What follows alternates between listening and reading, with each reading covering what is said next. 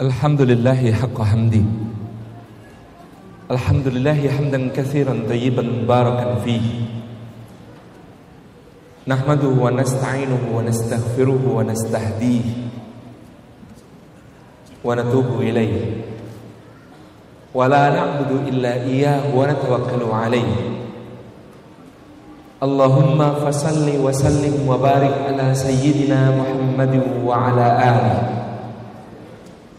وعلى أصحابه وذرياته. ومن تبعهم بإحسان إلى يومنا هذا وبعده. ثم السلام عليكم ورحمة الله وبركاته.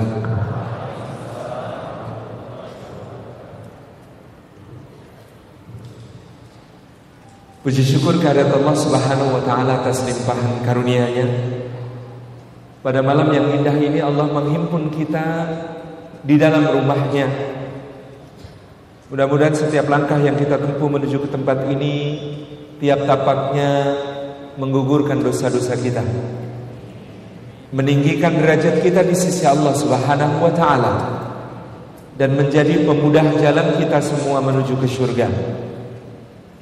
Dan duduk kita semua semoga termasuk taman di antara taman-taman surga. Sebagaimana sabda Nabi sallallahu alaihi wa alihi wa sahbihi wasallam. Majtama'a qaumun fi baitin min buyutillah yatluna kitab Allah wa yatadarasunahu bainahum illa ghasyiyatuhumur rahmah wa hafatsumul malaikah wa nazalat alaihimus sakinah wa dzakarahumullahu fi man 'indah rawahu muslim ayat huwa sahih Nabi sallallahu alaihi wasallam bersabda tidak berimpun satu kaum di satu rumah di antara rumah-rumah Allah. Di dalamnya mereka membaca kitab Allah dan mengkajinya di antara mereka. Melainkan rahmat Allah dicurah-curahkan kepada mereka. Dan malaikat-malaikat Allah menaungkan sayap-sayapnya kepada mereka. Dan sakinah ketentraman diturunkan ke dalam hati mereka. Dan Allah Subhanahu wa taala menyebut-nyebut nama mereka semua dengan bangga. Semuanya satu persatu pada makhluk-makhluk mulia yang ada di sisinya. Mudah-mudahan kita termasuk orang-orang yang dimasukkan ke dalam kemuliaan ini semuanya. Ikhwan dan akhwat yang dimuliakan oleh Allah Azza wa Jalla. Pada suatu hari ada seorang budak namanya Mubarak. Budak ini bekerja kepada tuannya yang memiliki kebun anggur yang sangat luas. Beberapa bulan bekerja, tuannya datang memeriksa kebun itu dan kemudian mengatakan, "Hai Mubarak,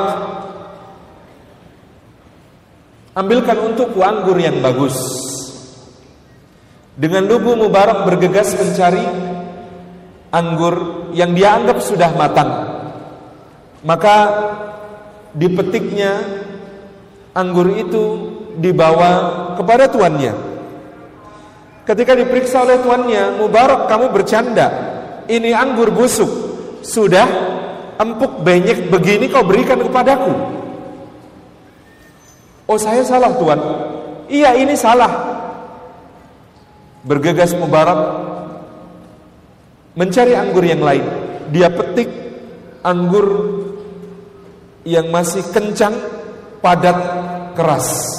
Karena tadi yang banyak salah Berarti yang betul yang keras. Maka dia bawa anggur itu Kepada tuannya. Dan kemudian dilihat oleh tuannya Ini masak saja belum Mubarak. Pasti rasanya asam sekali. Apakah engkau tidak tahu mana anggur yang matangnya tepat, pas, sempurna? Kata Mubarak, tidak tuan. Apa? Ya saya tidak tahu tuan mana anggur yang tuan maksud bagus itu yang seperti apa. Kata tuannya berapa lama kau bekerja di sini? Enam bulan tuan. Enam bulan dan kau belum pernah mencicipi satu pun anggur yang ada di sini. Belum tuan. Tugas saya kan jaga, bukan icip-icip. Karena kejujuran yang luar biasa ini semakin lama, sang tuan semakin akrab dan percaya kepada Mubarak.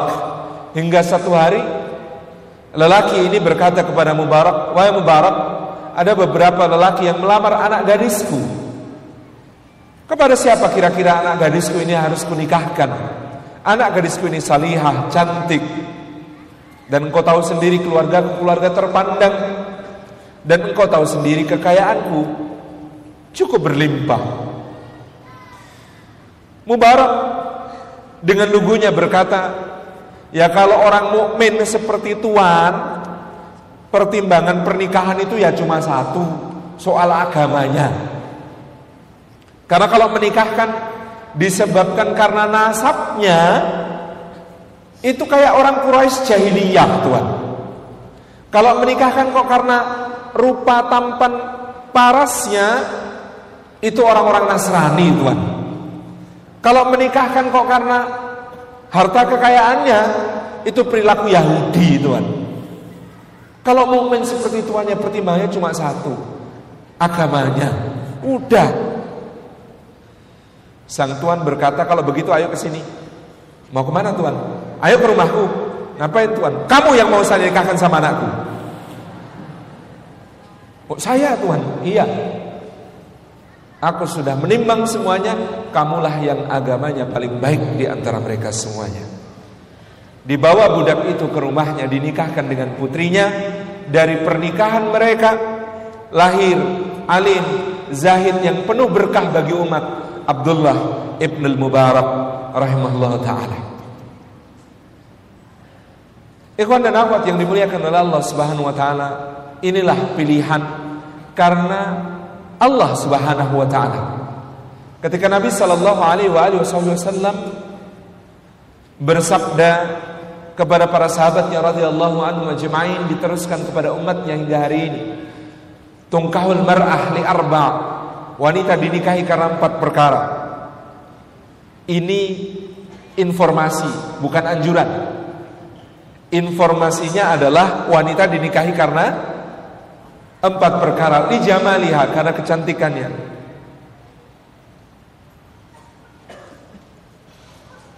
Walinasabiha dan karena garis keturunannya. Walimaliha dan karena kekayaannya. Walidiniha dan karena agamanya. Memang yang paling banyak laki-laki menikahi perempuan karena karena kecantikannya. Kalau disurvei kira-kira mungkin 70%. Lihat yang cantik dulu. Lebih sedikit dari itu adalah yang menikahi karena nasabnya, keturunannya. Lebih sedikit lagi cowok yang matre yang menikahi karena kekayaannya. Yang paling sedikit adalah yang menikahi karena agamanya. Maka Rasulullah SAW bersabda, ini anjurannya. Yang tadi memaparkan fenomena, yang ini anjurannya. Fakhtar bidatid din taribat yadak. Maka pilihlah olehmu wanita yang beragama, niscaya engkau akan beruntung. Taribat yadak itu artinya belepotan debu tanganmu. Orang yang belepotan debu tangannya ini adalah orang yang mendapatkan keberuntungan dengan berbagai macam hal yang dikerjakannya berkah baginya. Terlibat ya engkau akan beruntung. Maka yang dikatakan Mubarak tadi adalah satu-satunya pertimbangan seorang mukmin adalah agamanya. Maka bagaimanakah kita mengenali agama seseorang? Sehingga dia menjadi orang yang layak dipertimbangkan untuk menjadi kawan berketaatan sepanjang zaman. Dari dunia hingga ke surga.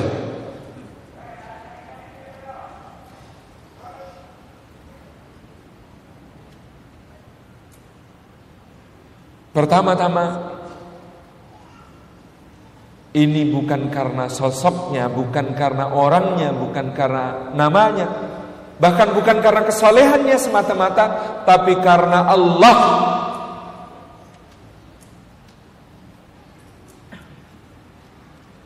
Bukan persoalan besar dalam kesendirian selama kesendirian itu ketaatan.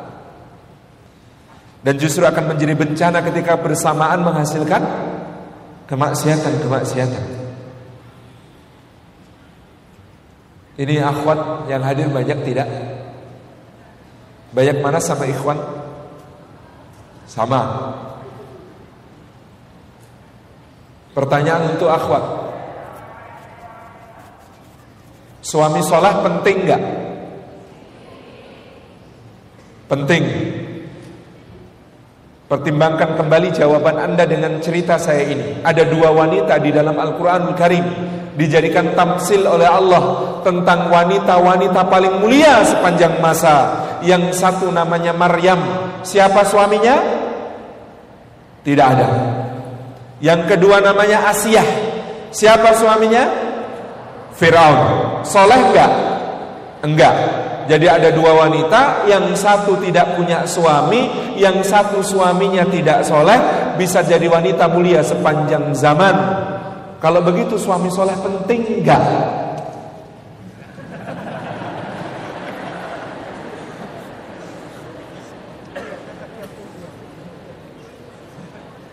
Pertimbangkan kembali jawaban Anda. Kalau begitu suami soleh penting apa enggak? Oh tetap penting memang sering ilmu itu tidak masuk. Pertimbangannya mungkin akhwat kita mengingat dua wanita lain yang juga disebut Rasulullah sallallahu alaihi wasallam sebagai wanita mulia sepanjang zaman. Karena yang ketiga namanya Khadijah, yang keempat namanya Fatimah. Akhwat pilih jadi Khadijah Khadijah. Berarti mau nyari yang lebih muda.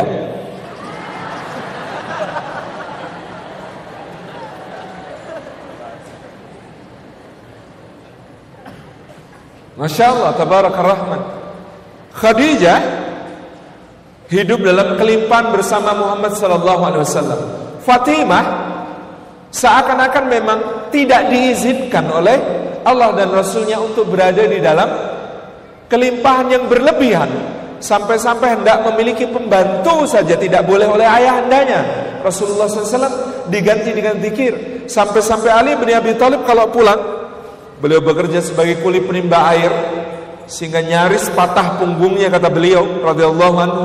Sang istri mengatakan dan aku menggiling gandum sampai tanganku pecah-pecah. Masya Allah seakan-akan dengan empat wanita ini Allah hendak mengatakan kamu punya suami Gak punya suami, suamimu soleh ataupun enggak, kamu kaya ataupun miskin, itu semua bukan alasan untuk menghalangimu dari kemuliaan di sisi Allah Subhanahu wa taala.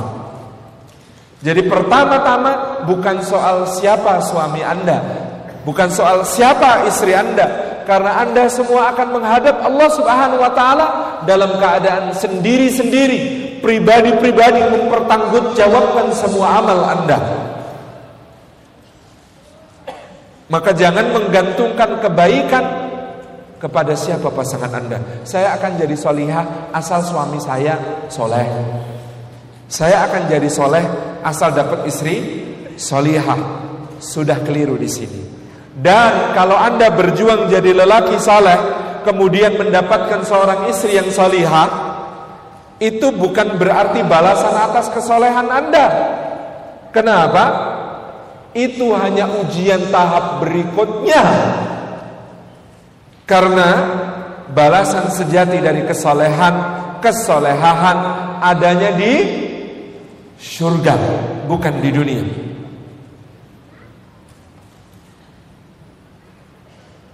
Dapat istri solehah karena anda soleh, efek samping Kan istri di samping. Efek samping. Dapat suami soleh karena anda solihah. Efek samping. Tanam padi, tumbuh rumput. Tanam rumput, tidak tumbuh padi. Beli sapi, dapat tali. Beli tali, tidak dapat sapi. Clear ya? Jadi yang pertama-tama yang kita pertimbangkan adalah soal bahwa kita ini mengabdi kepada Allah dapat pasangan salih ataupun pasangan salihah hanyalah ujian tahap berikutnya. Kenapa? Karena tidak ada pasangan sempurna di dunia ini untuk membalas kesalehan Anda atau kesalehan Anda. Tidak ada pasangan sempurna. Hatta Muhammad sallallahu alaihi wa alihi wasallam lelaki paling sempurna juga tidak diberi Allah pasangan sempurna karena memang nggak ada manusia sempurna. Kalau dia sudah sempurna, dia tidak butuh Anda. Betul ya? Saya cari istri wanita sempurna. Loh, wanita kalau sudah sempurna nggak butuh laki-laki. Saya cari suami lelaki sempurna. Lelaki kalau sudah sempurna nggak butuh perempuan. Kita ini diciptakan masing-masingnya tidak sempurna untuk saling menyempurnakan satu sama lain. Untuk saling menggenapi, saling melengkapi satu sama lain. Ikhwan saya tanya, pilih istri tipe Khadijah atau tipe Aisyah? Ya, dua-duanya. Kenapa tidak berkaca? Pilih tipe Khadijah atau tipe Aisyah? Khadijah, ada yang pilih Khadijah. Kenapa Khadijah? Lembut, keibuan, baik hati, tidak sombong, gemar sodako, mendukung suami, penuh pengertian, baik hati. Hmm, Masya Allah. Khadijah. Mau Khadijah? Selisih usia mau berapa? Karena riwayat tentang selisih usia Khadijah radhiyallahu anha dengan Rasulullah Muhammad sallallahu alaihi wasallam itu ada yang menyebut tiga tahun, ada yang menyebut 15 tahun. Kalau tiga tahun, kita ketemu masuk akalnya di bahwa setelah menikah dengan Rasulullah, putra putrinya masih banyak. Kita kebayang kalau umur 40 menikah dengan Rasulullah masih ada Al Qasim, ada Zainab, Ruqayyah, Ummu Kulsum, Fatimah, Abdullah. Ada enam putra. Bayangkan habis umur 40 masih melahirkan enam putra. Kayaknya agak berat ya. Tapi itu juga tidak mustahil. Kalau dikatakan usia beliau 28 punya enam putra lagi ini masih masuk ya. Tapi begini, sebelum pernikahan dengan Nabi Shallallahu Alaihi Wasallam, Khadijah pernah menikah dua kali dan memiliki putra-putra yang juga banyak. Akhirnya di hadapan pada dua riwayat itu saya sama-sama bingung. Tiga atau lima belas. Tapi saya mengamalkan salah satunya.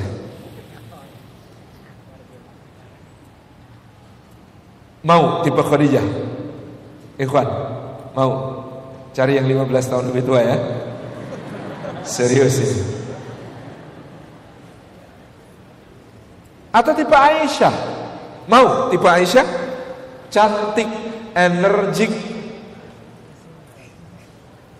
cerdas, hafalan syairnya 40 ribu bait, romantis, sporty, bisa diajak lomba lari, asyik diajak nonton bareng, duduk di pangkuan pipi nempel pipi. Udah kebayang yang aneh-aneh antum. Insyaallah. Mau tipe Aisyah? Mau ya? Tapi siap-siap juga.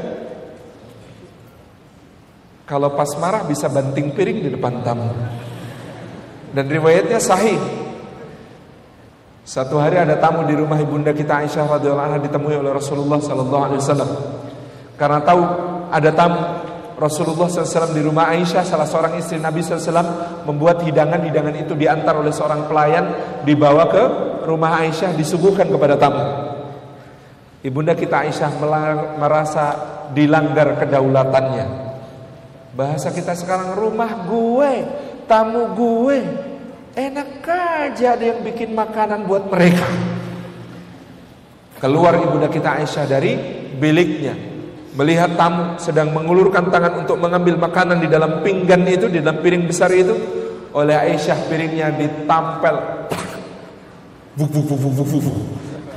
Piringnya jatuh, pang, hidangannya berhamburan. Kalau anda jadi Rasulullah Sallallahu Alaihi Wasallam, apa yang anda katakan pertama kali? Ini tamu lagi baru makan, mau makan, Tiba-tiba istri datang menimpuk piringnya dengan tangan, kemudian dibanting pecah. Apa yang akan Anda katakan pertama kali? Ush, apa ini? Dasar istri nggak tahu diri. Nah, kalau anda ngomong begitu, suaminya lebih nggak tahu diri. Inilah bedanya dengan Nabi SAW. Rasulullah. Belum komentar apa-apa. Yang beliau lakukan turun ke bawah. Ngambili sisa-sisa pinggan yang pecah itu. Makanan yang masih bisa dibersihkan, terselamatkan, diangkat, dinaikkan ke dalam pecahan-pecahan pinggan itu. Dibawa ke atas meja. Kemudian apa yang beliau sabdakan? Kulu wal afu gharat ummukum. Silakan makan. Mohon maaf ya, ibu kalian sedang cemburu. Cool sekali. Kan tamunya yang heran. Bisa gini. Ini teladan bagi para suami luar biasa. Selesai tamu pulang. Istri yang marahnya begitu, itu karena marah karena cinta. Marah karena cemburu, cemburu karena cinta. Jadi marahnya karena cinta. Orang yang marah karena cinta jangan tergesa dihukum, jangan tergesa dimarahi. Nanti dia pasti menyesal. Nah, keluarlah Aisyah karena menyesal. Dalam ekspresi kita sekarang mungkin terus gimana? Kata Nabi Wasallam, pinggan diganti pinggan, makanan diganti makanan. Iya deh, gitu. Selesai masalahnya. Tidak berkepanjangan urusannya. Kuat begitu, punya istri yang banting piring depan tamu kuat. Masya Allah, tabaraka rahman. Memang Aisyah hanya cocok untuk Muhammad Sallallahu Alaihi Wasallam. Antum gak akan kuat.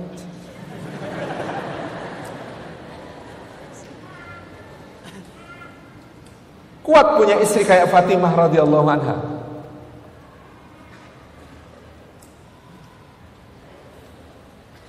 Suatu hari Ali pulang terlambat. Pintu ditutup. Dan Fatimah marah karena pulangan yang terlambat itu tanpa izin. Akhirnya tidak diizinkan masuk ke rumah. Apa yang dilakukan Ali bin Abi Thalib? Tidur di emperan masjid sampai belepotan debu beliau radhiyallahu anhu. Menjelang subuh Rasulullah datang ke masjid. Lihat ada sosok menggelimbung di serambi masjid dibangunkan. Kum ya Abu Turab, kum ya Abu Turab. Bangun wahai Abu Turab. Kenapa disebut Abu Turab? Belepotan debu. Kesian banget nasib suami-suami zaman itu. Maka Abu Turab menjadi panggilan yang sangat disukai Sayyidina Ali bin Abi Thalib karena penuh kenangan. Kenangan nggak dibukain pintu sama istri. Kenangan dibangunin sama mertua sendiri. Insya Allah. Kuat antum tidur di emper masjid karena nggak dibukain pintu sama istri. Tabarakar Rahman. Dikiranya wanita solehah baik terus. Oh kadang-kadang juga bisa marah. Masya Allah, tabarakallah. Maka kembali kepada hadis tadi. Pilihan kita adalah pilihan karena din. Maka Allah mengatakan, "Wa min ayatihi an khalaqalakum min anfusikum azwaja." Bahwa Allah Subhanahu wa taala menciptakan untuk kita ini dari nafas-nafas kita. Salah satu mana nafas adalah jiwa. Maka hubungan antara seorang lelaki dan istrinya adalah hubungan jiwa. Maka kalau itu adalah hubungan jiwa, pertama-tama dia dimulai dari al-arwahu junudum mujannadah. Ruh-ruh itu seperti pasukan dalam kesatuan-kesatuan ma ta'arafa minha talaf wa ma tanakara minha ikhtalaf. Yang saling kenal satu sama lain akan mudah bertaut, yang tidak saling kenal akan mudah berselisih. Apa yang mengenalkan ruh yang satu dengan ruh yang lain? Kalau pasukan satu dengan pasukan yang lain yang mengenalkan adalah sandi, kode. Ini kalau kita mukhayyam atau kita bikin kemah tadabur alam gitu ya, malam-malam untuk menyalurkan spirit sebagai laki-laki sejati, kita biasanya bikin tarung malam gitu ya, dibagi dua kelompok supaya bisa apa namanya adu kekuatan gitu. Nah bagaimana caranya untuk mengenali teman? Saya dulu biasanya bikin sandi untuk mengenali siapa temannya. Eh, sandi favorit saya adalah sandi jumlah. Misalnya kita sepakati jumlahnya delapan. Maka kalau kita bilang lima jawabannya tiga. Kalau kita bilang empat jawabannya empat. Kalau kita bilang tujuh jawabannya satu. Kalau kita bilang dua jawabannya enam. Jadi musuh mungkin agak mikir sandinya beda-beda gitu ya. Jadi ini agak varian karena kalau cuma sandinya satu macam, jawabnya satu macam mudah ditiru musuh. Nah, kita bilang empat, sana ternyata jawab empat, lima, dia bilang juga lima, bante. Kenapa? Sandinya nggak nyambung. Jadi kalau sandinya nyambung, sepakat. Kalau sandinya tidak nyambung, banting. Clear. Ruh satu dengan ruh yang lain itu juga sandinya nyambung atau enggak menentukan bagaimana selanjutnya. Apa sandi yang menghubungkan antara ruh yang satu dengan ruh yang lain adalah iman. Maka kesekufuan dalam din, sekufu dalam soal agama, soal iman ditekankan oleh para ulama secara kokoh melebihi kesekufuan dalam hal yang lain. Sekufu atau selevel atau setara ini konsep agama untuk memudahkan saling menyesuaikan diri antar pasangan satu sama lain. Maksudnya kalau secara sosial ekonomi setara, nggak perlu banyak menyesuaikan macam-macam kan? Maksudnya kalau kemudian secara pendidikan setara, nggak perlu banyak menyesuaikan diri masing-masingnya. Maksudnya kalau dari sisi paras setara gitu ya, nggak memancing komentar orang. Gitu. Kadang-kadang ada orang suka usil komentarnya. Gitu ya. Masya Allah, suaminya lah dapat nikmat, istrinya dapat musibah. Lu gimana tuh? Lah wong istrinya paling cantik sekabupaten. Seluruh orang juga akan bilang istrinya cantik. Loh, suaminya itu loh, yang bilang suaminya ganteng ya cuma istrinya tok. Lain nggak mau ngakui gitu. Insya Allah. Komentar orang. Tapi asal kuat kan sebenarnya tidak masalah. Beda-beda dikit asal kuat nggak masalah. Misalnya secara kekayaan beda jauh, nggak apa-apa asal tahan untuk saling menyesuaikan diri, komitmen menjaga hubungan dan jangan sampai kalau salah satu marah terus mengatakan oh alah mas mas kamu kalau nggak tak pelihara jadi suami udah di kolong jembatan mas ini kan kalimat berbahaya maka Rasulullah dulu melarang jangan kalian menikahi perempuan karena kecantikannya kecantikan itu akan menjadi fitnah baginya oh kalau anda istrinya terlalu cantik dan anda nikahi karena kecantikannya repot khawatir terus was-was orang lihat saja dalam hati bisa membatin jelek. Ya Allah, tumbangkanlah ketidakadilan. Apa itu ketidakadilan? Lah ini suaminya kayak gitu kok dapat istri cuanti gitu. Itu namanya ketidakadilan ya Allah itu. Batin orang bisa jelek, jadi fitnah. Antum senang istri yang cantik atau yang jelek? Cantik itu nggak awet.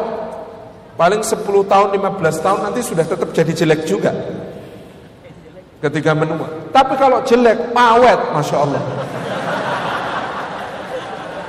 Sampai tua tetap jelek.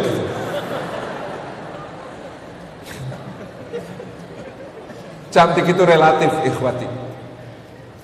Cantik itu relatif. Jelek itu absolut. Enggak ya? Semuanya relatif. Cantik itu relatif sekali. Ada orang cantik sekali, tapi ngutangan susah ditagih, nikung, wah bikin masalah, gitu kan? Terus apa lagi? Segalanya buruk akhlaknya, jadi nggak cantik. Wajahnya mungkin biasa, tapi senyumnya masya Allah tulus. Enak dilihat wajahnya. gitu ya, nyaman, teduh gitu.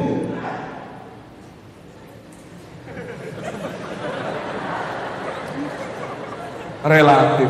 Makanya cantik itu akhwat karena apa? Karena simetris. Coba ada wanita, separuh wajahnya siapa wanita cantik sekarang? Antum kenal nggak wanita cantik? Kita pakai wanita cantik zaman dulu saja ya, zaman bapak saya.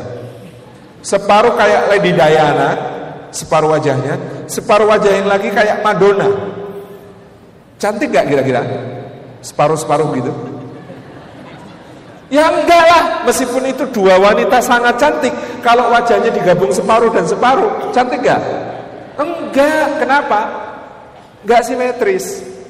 Jadi rumus kecantikan pertama itu simetris. Bagaimana caranya supaya simetris? Senyum yang tulus. Simetris lama-lama. Tapi kalau Anda senyumnya sinis, hmm, maka pasti tidak simetris dan memperjelek wajah. Jadi rumus kecantikan itu, ketampanan itu simetris. Simetris itu karena senyum tulus. Makanya orang Makassar ini harus banyak senyum supaya tambah ganteng dikit begitu. Untung kurang senyumnya. Ya, senyum ya.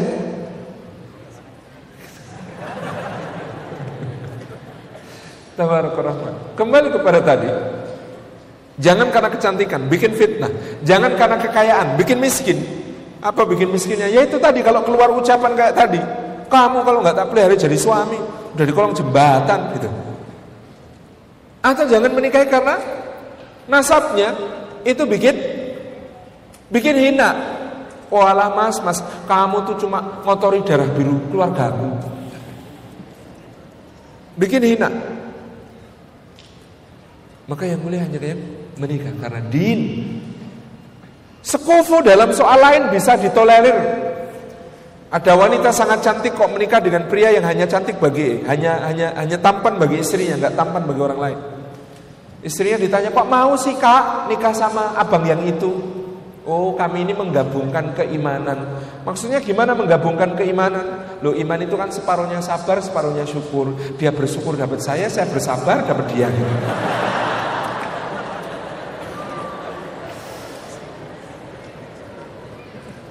Nggak sekufu dalam soal lain. Istrinya pendidikannya S3 lulusan Jerman.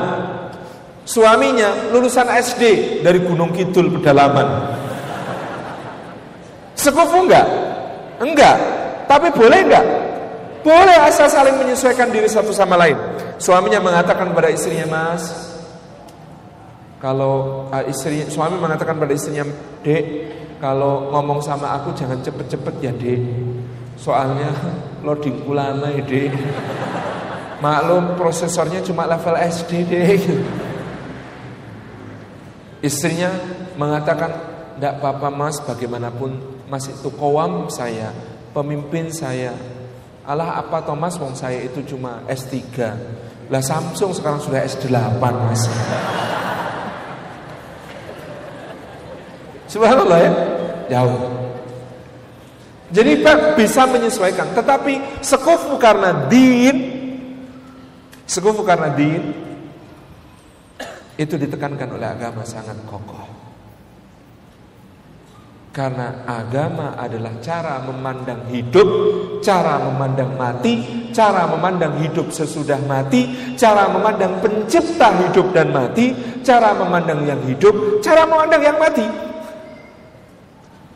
Itu agama maka pembahasan nikah beda agama. Jadi nggak relevan kalau sudah membicarakan keimanan seperti ini. Nggak relevan sama sekali. Iman adalah sesuatu yang menjadi pertimbangan utama untuk kita berada pada jalur yang indah ini. Jalur menuju surga ya Allah melalui ibadah berumah tangga ini yang disebut oleh Nabi Shallallahu Alaihi Wasallam sebagai telah sempurna separuh agamanya maka hendaklah dia bertakwa kepada Allah dalam separuh yang lain, lainnya lagi. Saya ditanya, kalau begitu Ustaz, bagaimana keadaannya? Apa yang menjadi ukuran yang disebut oleh agama. Agama itu yang kayak apa? Masya Allah ya, masyarakat kita ini sudah mengalami hijrah syuriyah yang sangat dahsyat. Mungkin antum nggak menyadari. Hijrah syuriyah masyarakat, hijrah dalam soal seleranya masyarakat kita ini sudah sangat dahsyat. Cowok keren zaman bapak saya muda itu namanya si boy. Anda tahu gambaran si boy? Si boy itu anak berprestasi, anak orang kaya, di sekolah juara, naik mobil BMW ke sekolah, gitu ya. Pacarnya banyak, playboy dia. Kalau malam dugem, tapi sholatnya rajin. Itu gambaran cowok keren tahun 80-an.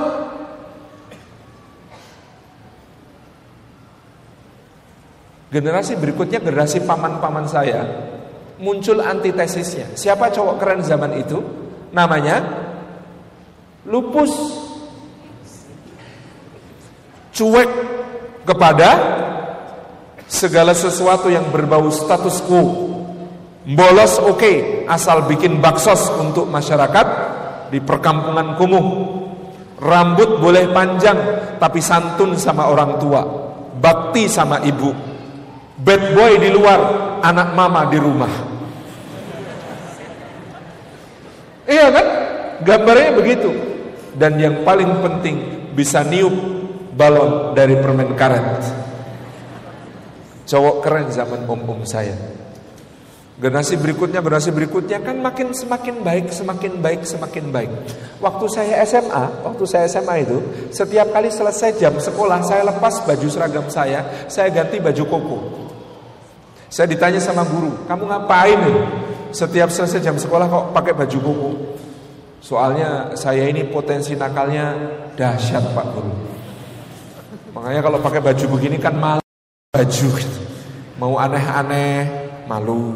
Mau gandeng siapa malu. Mau ke warnet aneh-aneh malu gitu.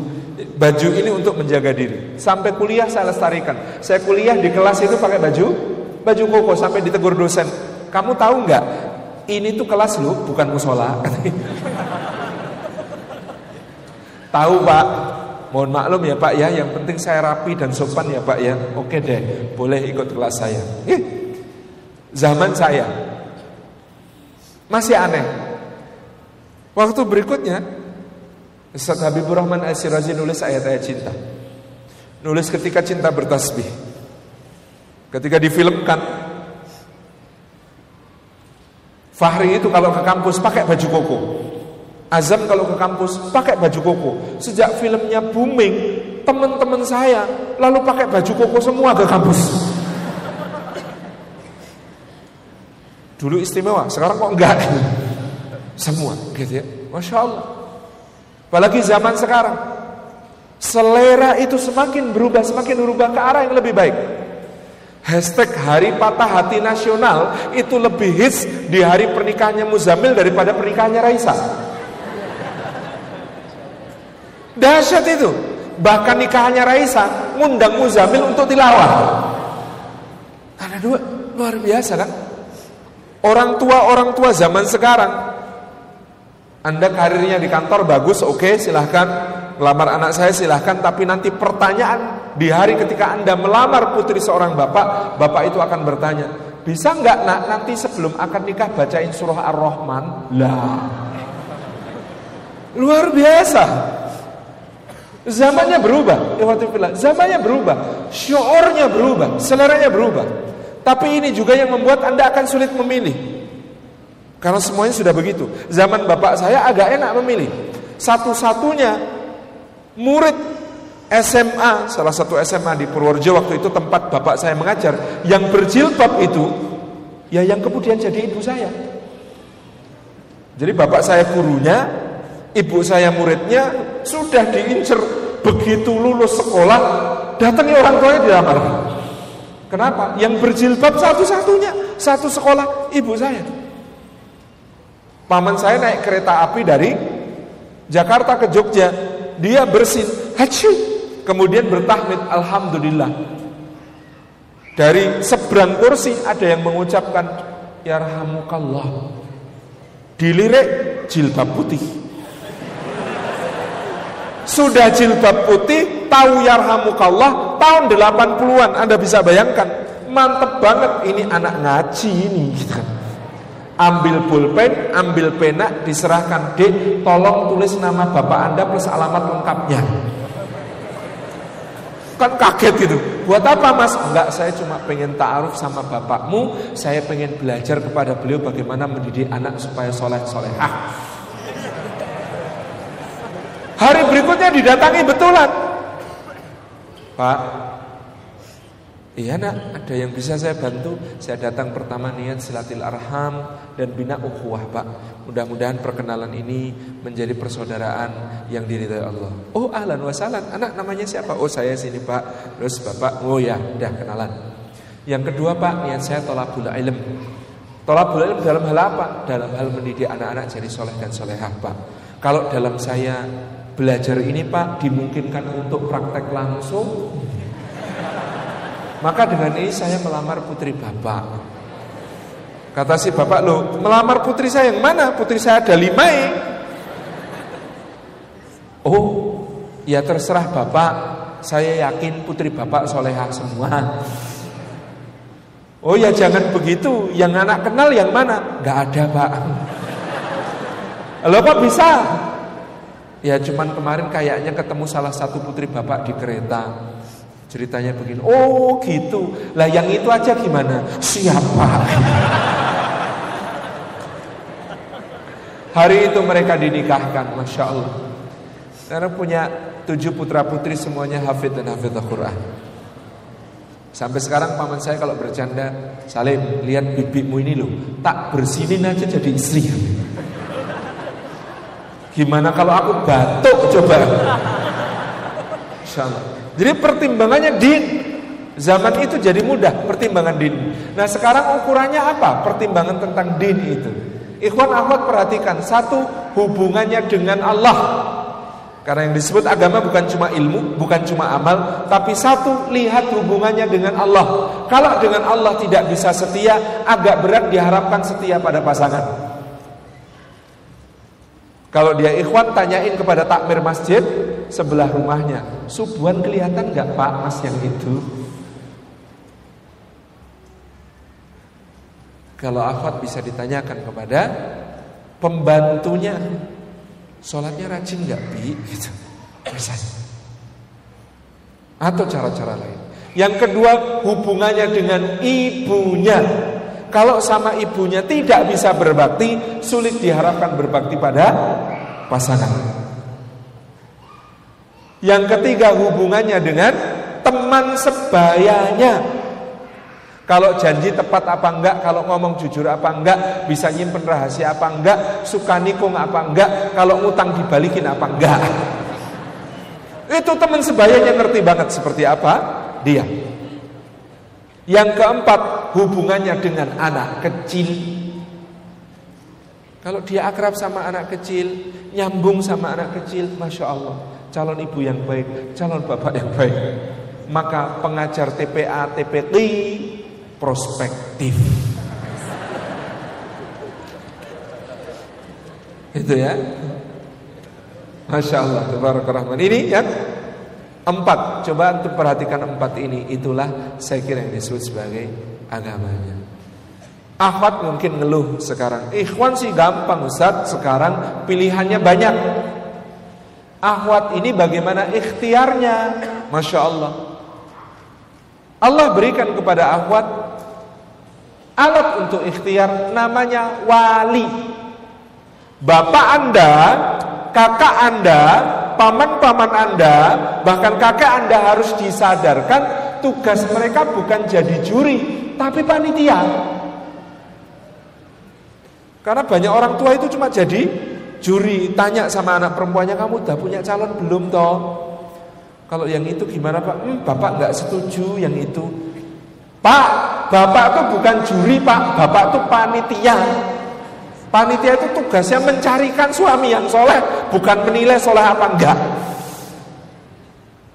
lihat Sayyidina Umar bin Khattab radhiyallahu anhu begitu Khunais bin Hudhafa asah gugur dalam perang Badar Sayyidah Hafsah radhiyallahu anha Kemudian menjanda. Habis masa iddah Hafsah, Umar langsung menemui Abu Bakar As-Siddiq radhiyallahu anhu.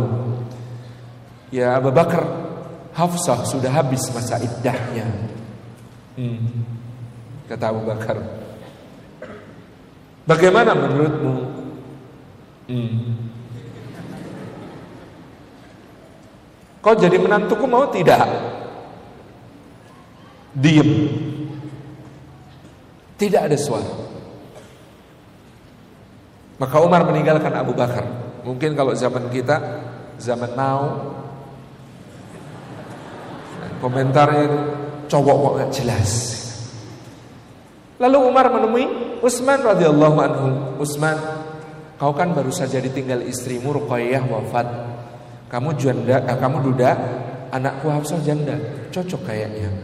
Wih, kata Utsman kaget ditawarin begitu. Saya minta izin pikir-pikir dulu tiga hari boleh. Oh boleh. Baguslah pikir-pikir.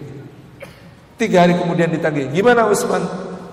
Kata Usman, kayaknya saya belum ingin menikah dalam waktu dekat ini. Masa? Iya. Khususnya dengan Hafsah enggak dulu. Begitu ya. Ya udah, apa-apa. Tapi Umar sedih. Kemudian menghadap kepada Nabi SAW, ya Rasulullah, aku tawarkan Hafsah kepada Usman, tapi Usman menolaknya. Rasulullah SAW tersenyum kemudian bersabda, Semoga Allah karuniakan kepada Utsman wanita yang lebih baik daripada Hafsah dan semoga Allah karuniakan kepada Hafsah lelaki yang lebih baik daripada Utsman. Ternyata kode.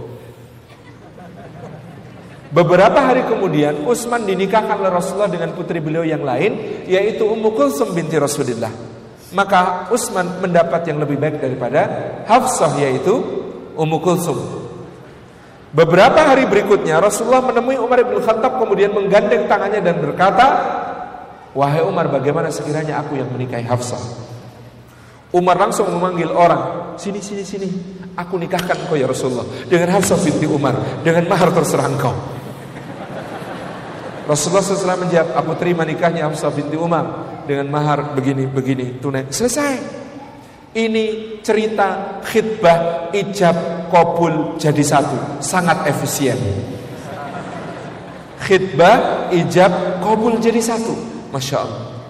Begitu mereka menikah, walimah selesai, Abu Bakar mendekati Umar. Masih kesel sama saya, kata Abu Bakar. Ya iyalah, laki-laki kok gak jelas. Lo kemarin waktu kau menawarkan Hafsah pada saya itu, saya sebenarnya pengen banget bilang yes. Lah kau nggak ngomong? Kata Abu Bakar lah karena saya mendengar Rasulullah juga nyebut-nyebut Hafsah. Ini hebatnya Abu Bakar, nggak nikung temen.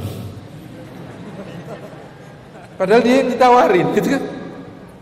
Lah itu juga kenapa nggak ngomong kata Umar? Aku tidak ingin membuka rahasia Rasulullah Sallallahu Alaihi Wasallam sebelum beliau sendiri yang menyampaikannya kepada. Masya Allah.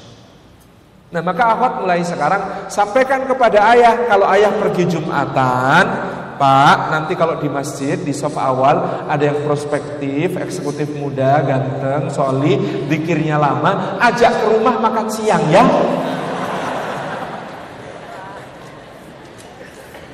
Akhwat bilang gitu sama bapaknya. Atau sama abangnya, bang kita tukeran temen yuk bang. Maksudnya gimana dek teman abang buatku, temanku buat abang. Skenario nya kita atur deh. Atau kalau nggak bapak tadi kakek. Ya, misalnya soal Jumatan kek, nanti tolong kalau Jumatan kira-kira ada yang soleh di soft depan, dikirnya lama, khusyuk, ajak ke rumah ya kek. Oh iya cuy, insya Allah. Begitu diajak ke rumah ternyata diajak ke rumah seumur kakeknya semua. Kok tua-tua kek? Loh kalau sok depan ya isinya kayak begini semua cuy. Masya Allah ya. Jadi anda punya wali. Minta wali anda bertanggung jawab bukan cuma sebagai pe penilai, bukan juri, tetapi adalah pak Nah, ikhwan dan akhwat yang dimuliakan oleh Allah Subhanahu wa taala, bagaimana supaya pilihan kita adalah juga pilihannya Allah Subhanahu wa taala. Pertama-tama tadi kita sudah sebutkan pertimbangannya adalah din, pertimbangannya adalah agama. Maka yang namanya Zaid bin Harisah tidak ragu ketika satu hari Rasulullah bersabda, siapa yang ingin menikahi wanita ahli surga, nikahlah dengan Ummu Aiman. Padahal Anda tahu perbandingan usianya. Ummu Aiman itu pelayannya Aminah binti Wahab ibunda Rasulullah sallallahu alaihi wasallam. Ketika Aminah wafat di Abwa, yang gendong Muhammad sallallahu alaihi wasallam kecil ke Makkah pulang itu Ummu Aiman. Zaid bin Harisah siapa? Budaknya Khadijah radhiyallahu anha yang kemudian dihadiahkan kepada Rasulullah yang kemudian diangkat putra oleh Rasulullah sehingga kadang-kadang dipanggil Zaid bin Muhammad sebelum turunnya awal surah Al-Ahzab yang mengharamkan penyebutan bukan dengan ayah. Zaid bin Muhammad. Jadi ini anak angkatnya Rasulullah Ketika mendengar Rasulullah bersabda, siapa yang ingin menikah dengan wanita ahli surga, nikahilah Ummu Aiman. Insyaallah. Ini ibu, ibu asuhnya Rasulullah. Ini anak angkatnya Rasulullah SAW. Dan mereka menikah. Kenapa? Ditanyakan kepada Zaid, kenapa engkau mau menikahi seorang wanita tua? Kata Zaid bin Harisah, bagaimana aku tidak mau menikahi Ummu Aiman? Sementara Rasulullah SAW bersabda, siapa yang ingin menikahi wanita ahli surga, nikahlah dengan Ummu Aiman. Dari pernikahan mereka siapa yang lahir? Usamah bin Zaid radhiyallahu anhu. Kalau mau punya anak kayak Usamah bin Zaid, cari yang seusia ibu asuhnya Rasulullah. Itu ya, ikhwan ya. Penting ini cerita. Ini kayaknya Ikhwan tertekan gara-gara saya tadi cerita Khadijah, cerita Ummu Aiman gitu ya. Oke, saya hibur dengan cerita kedua. Tamadar, istri Abdurrahman bin Auf satu hari berkata kepada Sayyidina Utsman bin Affan yang ketika usianya sudah 70-an. Kata Tamadar, "Hai Utsman, maukah engkau menikah lagi?" Kata Utsman, "Aku ini sudah tua. Aku tahu, tapi engkau seorang pemimpin layak bagimu didamping oleh seorang wanita saleha. Aku kenal wanita saleha yang baik hati. Kata Utsman terserah engkau atur saja. Lalu istri Abdurrahman bin Auf ini mengatur pernikahan Utsman bin Affan dengan seorang wanita. Ketika menikah, Utsman saking percayanya kepada Tamadur itu nggak lihat-lihat dulu seperti apa calon istrinya. Akad langsung akad begitu saja. Begitu akad selesai, istrinya dipertemukan dengan Utsman. Utsman kaget. Kenapa? Nailah binti Al-Farafis Al-Kalbiyah ketika itu usianya 18 tahun. Kata Utsman, aku bebaskan engkau dari ikatan pernikahan ini. Kalau engkau dipaksa orang tuamu atau dipaksa siapa pun, batalkanlah aku tidak akan keberatan. Kata Utsman. Nailah hampir nangis. Kenapa? Kenapa kau ingin membatalkan pernikahan ini? Kata Utsman, kau tidak lihat, aku sudah tua.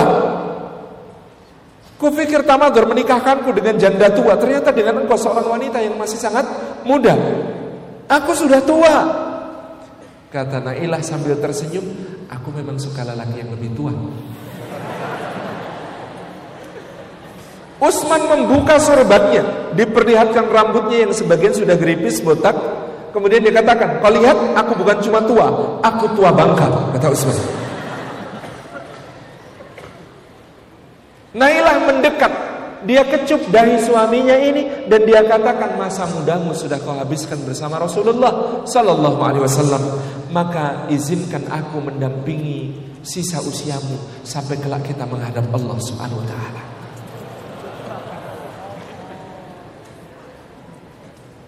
Nailah mendampingi Utsman bin Affan tapi Utsman bin Affan usia 70-an bukan lelaki sembarangan. Dari pernikahan itu beliau dikaruniai tiga orang putra. Dari Nailah binti Al-Farafis Al-Kalbiyah. Ketika Utsman wafat, berebut orang melamar Nailah bahkan termasuk Sayyidina Muawiyah bin Abi Sufyan melamar Nailah. Apa kata Nailah menanggapi lamaran mereka semua? Bukan suara motor itu. Kata Nailah, tidak ada yang bisa menggantikan kedudukan Usman di dalam hatiku. Luar biasa. Sudah terhibur ikhwan? Sudah ya. Masya Allah. Tabarakallah. Jadi yang pertama-tama adalah din alasan. Yang kedua, mari beristikharah dan bermusyawarah dengan orang-orang salih. Kata Nabi SAW, dalam hadis riwayat Imam Al-Baihaqi dan Imam At-Tabarani tidak akan kecewa orang yang istikharah dan tidak akan menyesal orang yang bermusyawarah. Jadi hadis ini ada catatan dalam salah satu perawinya, tapi Al Imam An Nawawi menegaskan hadis ini sesuatu yang dapat diamalkan, yakni memang dua hal yang menjadi kebaikan seorang mukmin adalah musyawarah dan istikharah. Musyawarahkan dengan orang-orang saleh, istikharahkan pasrahkan kepada Allah. Maka doa istikharah itu harus yang benar, jangan doa istikharah kok ya Allah, kalau dia memang jodohku nikahkan kami, kalau dia bukan jodohku jodohkan kami. Kalau dia jodohnya orang lain, putuskanlah jodohnya dan jodohkanlah denganku. Enggak, enggak usah maksa. Enggak harus dia. Yang penting karena dia. Tidak harus dia di kecil, yang penting karena dia dia besar, gitu ya? Karena Allah Subhanahu wa taala. Maka doa istiarah itu adalah Allahumma inni astakhiruka bi ilmik. Ya Allah, aku minta pilihan dengan ilmumu bukan ilmuku. Aku ngerti apa tentang dia. Cuma kadang-kadang lihat di kampus kadang-kadang mantau instagramnya. Kepo kadang-kadang stalking gitu ya. Aku cuma tahunya itu ya Allah. Tahu hanya dari sesuatu yang sangat dohir belum tentu benar belum tentu sesuai dengan batinnya ya Allah. Dan itu pun yang ketahui sedikit sekali tentang dia hakikat sama sekali terhijab dariku. Maka aku minta pilihan dengan ilmumu bukan ilmuku. Dengan pengetahuanmu bukan pengetahuanku. Wa astaqdiruka bikudratik dan aku ya Allah meminta pilihan meminta ketetapan dengan kuasamu. Meminta ketetapan dengan kuasamu. Bukan kuasaku. Kuasaku apa? Ya Allah paling caper. Hatinya dalam genggamanmu ya Allah. Engkau yang menggenggam hatinya mengubah-ubahnya membolak-baliknya. Dari cinta bisa jadi benci benci bisa jadi cinta. Engkau yang menguasai hatinya ya Allah. Tahu ketika MH Ainun Najib melamar Novia Kolopaking pertama kali. Wanita seperti dirimu hanya layak bersanding dengan orang seperti aku. Kata MH Indonesia begitu. Apa yang lakukan Novia Kolopaking? Meludah. Kena di pipi. Kata MH Indonesia, bagian dari dirimu kini menyatu dengan diriku. Gimana kelepek-kelepek habis itu? Nikah. Hati-hati meludah para akhwat. Luar biasa.